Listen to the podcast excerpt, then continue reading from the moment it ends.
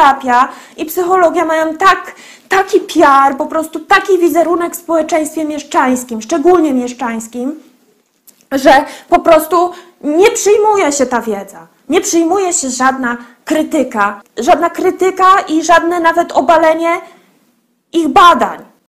Niektóre nadal bardzo popularne mity. Po pierwsze, wpływ dzieciństwa na jakość dorosłego życia. Wiele osób nadal uważa, że trauma w dzieciństwie powoduje na przykład zaburzenia psychiczne. Otóż to nie zostało potwierdzone. Zaczynając od takich najprostszych porównań, które sobie każdy może wyobrazić. Nie wiem, czemu wcześniej ludzie jakby no, nie podążali tym tropem. Czasami traumy doty dotykały całej populacji w danej, w danej społeczności. Wynikało to na przykład z wojny, a jednak ludzie dorastali i byli w stanie w zdecydowanej większości normalnie radzić sobie w dorosłym życiu i prowadzić e, w miarę zadowalające to życie. E, no po drugie, no to były też eksperymenty na bliźniętach przede wszystkim, wychowywanych w różnych środowiskach, w tym samym środowisku. To było porównywane. Duży jest udział y, czynnika genetycznego. Druga kwestia, no to właśnie na tej kanwie termin syndrom do dorosłego dziecka alkoholików, tak zwany DDA, czyli przekonanie o tym, że osoby, które, których rodzice y, pili, nadużywali alkoholu, byli uzależnieni, w dorosłym życiu mają jakieś wspólne cechy, wspólne style, sposoby zachowania się.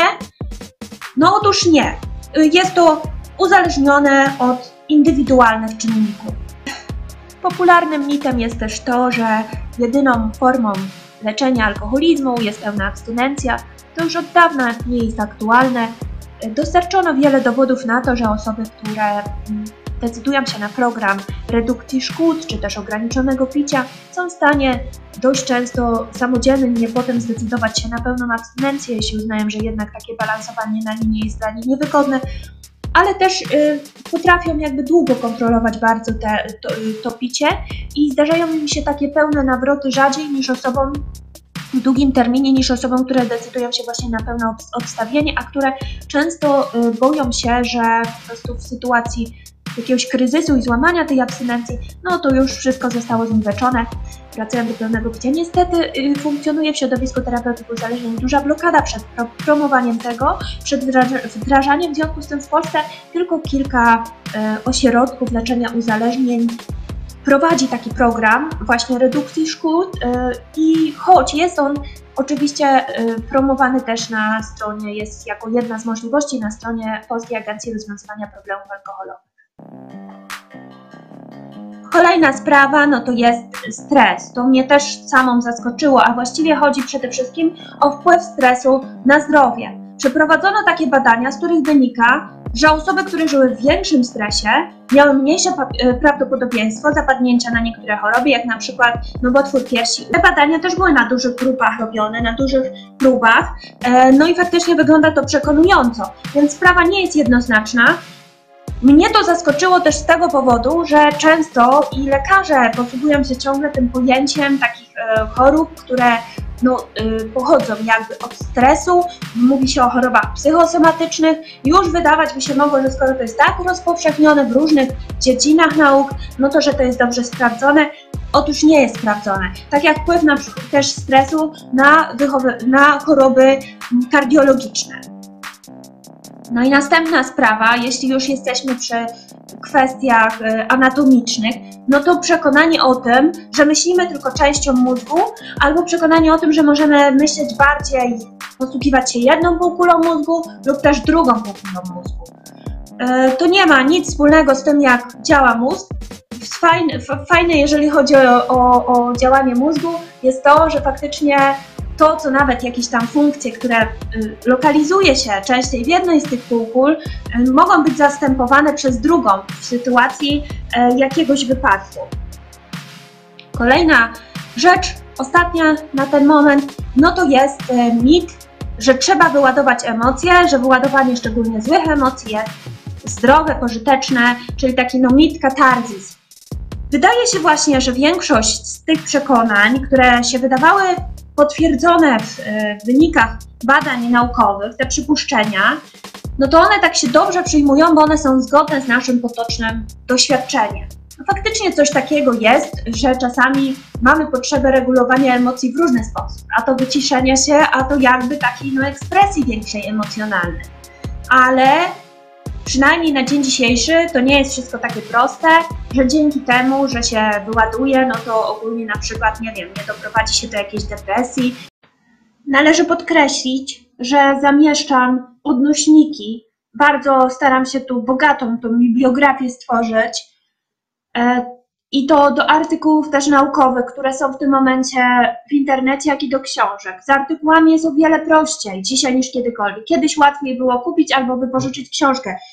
Dzisiaj wszystkie artykuły naukowe są zamieszczane w internecie. Jeżeli nie ma dostępu do pełnych, to wtedy jest abstrakt, czyli ten wstęp, który podsumowuje wyniki, jakie uzyskano. Jest, ale w większości przypadków jest już dostęp do pełnych wersji, czyli można sobie przeczytać potem dyskusje, szczególnie jeśli chodzi o e, psychologiczne, jak i metodologię. Dlatego dzisiaj nie ma takiej sytuacji, że trzeba wierzyć autorytetom, że trzeba robić za autorytet, e, że nie wiem, musicie osoby, nie wiem, oglądające to czy jakikolwiek inny film, zastanawiać się po prostu na takiej podstawie, czy ta osoba, która to mówi, jest wiarygodna. Nie, bo to wszystko, co Was interesuje, możecie sprawdzić. A ja w tym filmie e, podejmuję bardzo wiele zagadnień. E, nie sposób je szczegółowo omówić, ale jeśli na przykład kogoś interesuje jakieś jedno konkretne, to nic nie stoi na przeszkodzie, żeby się w tym po prostu doktoryzować niemalże, siedzieć jeden dzień, drugi dzień, trzeci dzień i dowiedzieć się na przykład, jeśli ktoś ma jakieś zaburzenie nerwicowe, lękowe, jeśli ktoś ma jakieś zaburzenie odżywiania, depresję czy cokolwiek, w szybkim czasie jest w stanie ustalić, jaki jest aktualny stan wiedzy w tej dziedzinie. I bo jeśli nawet nie za bardzo rozumie pojęcie, które jest w badaniu użyte, to też ma internet i w ciągu kilku minut się dowie. Jeśli nie za bardzo rozumie statystykę, w ciągu kilku minut znajdzie artykuł, który tłumaczy, jak tą statystykę odczytywać. W ostatnich latach wyszły wielkie metaanalizy, wielkie powtórki eksperymentów psychologicznych podstawowych, z psychologii społecznej też. Okazuje się, że większość z nich nadaje się do kosza. Ciężko mówić o problemach psychologii bez wydarzeń ostatnich lat w obszarze psychologii społecznej. Najpierw projekt Menelabs 1, który powtarzał 100 eksperymentów pod kierownictwem Briana Noseka i z tych wszystkich 100 eksperymentów jedynie w około 36 udało się uzyskać pierwotny wynik. Potem było Menelab 100 i tam powtórzono 28 eksperymentów, uzyskano podobny wynik w około 50%. W związku z tym, że w psychologii praktycznie w ogóle nie powtarza się eksperymentów, to badacze mówią, że to jest i tak całkiem niezły wynik. W normalnych dyscyplinach innych, typu fizyka, chemia, no przed publikacją jeszcze próbuje się te badania powtarzać co najmniej kilkukrotnie. No wiadomo, że tutaj jest problem związany z tym, że takie eksperymenty są trudne, że są kosztowne. Niemniej jednak, lepiej chyba jednak mieć cienki podręcznik, e, w którym są tylko sprawdzone informacje, niż książki akademickie przepełnione treściami, z całe tomy, z których tak naprawdę 50% kartek nadaje się do wywalenia. No ale dalej były kompromitacje kolejnych naukowców, sław psychologicznych. W ostatnich latach wypłynęła na przykład Emi Kudy, która, e, która mówiła o tym, że postawa przyjmowana przez e, daną osobę, postawa ciała wpływa na przykład na wzrost testosteronu, e, obniżenie kortyzolu, czyli generalnie mniejszy stres, większą pewność siebie. No to okazało się nieprawdą. Następnie oczywiście były te fałszerstwa badacza w obszarze międzykulturowym, e, czyli badacza nad uprzedzeniami, stereotypami, on się nazywał Stemple chyba, e, i u niego unieważniono no, znaczną część e, dorobku naukowego, ale to nic. Zimbardo, jeden z najbardziej znanych, znanych psychologów, Zimbardo sfałszował swój eksperyment więzienny, a co najmniej przeprowadził go no, w taki sposób, który nie spełnia kryteriów naukowości. Można raczej mówić o reality show, a nie o badaniu naukowym.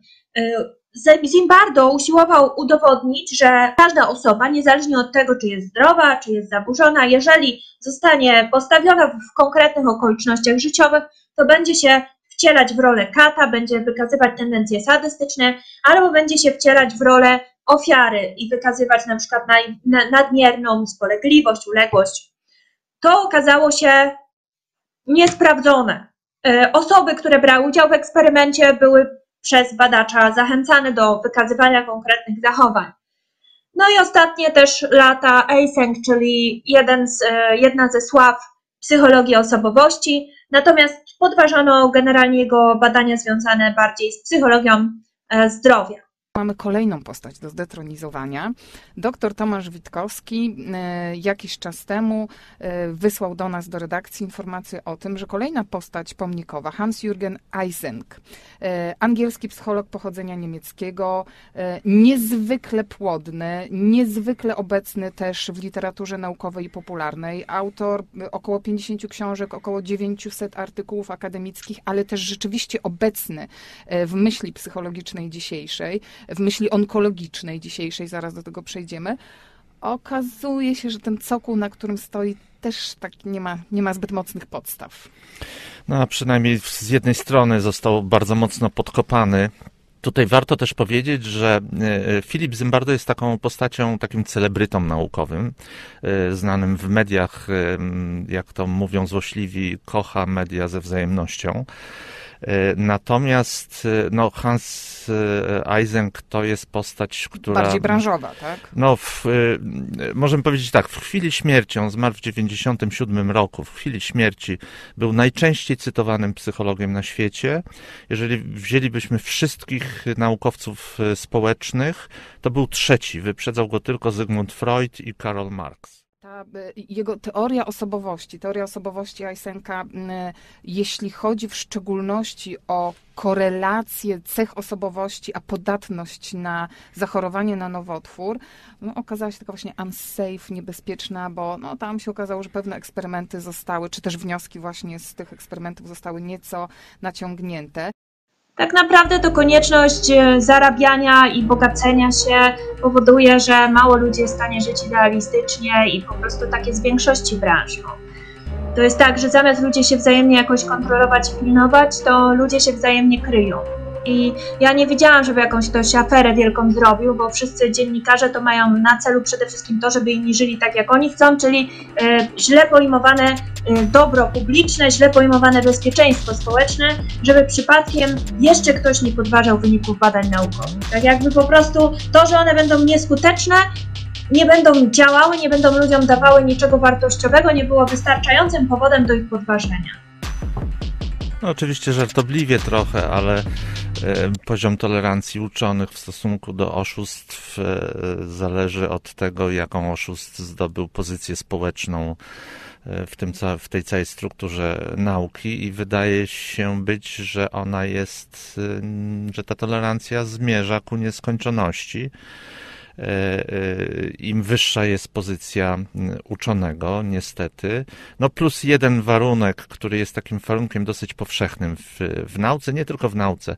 Jeżeli te oszustwa są zgodne z tym, w co chcą wierzyć ludzie, no to ta O, tolerancja dodatkowo jeszcze To rośnie. jest bardzo ważny aspekt, e, że to nam, ludziom, jest trudno czasami zgodzić się na taką depomnikizację danej osoby, na usunięcie tej osoby z panteonu, bo z jakiegoś powodu odpowiada nam, ludziom, to, co słyszymy od e, guru psychologii. No,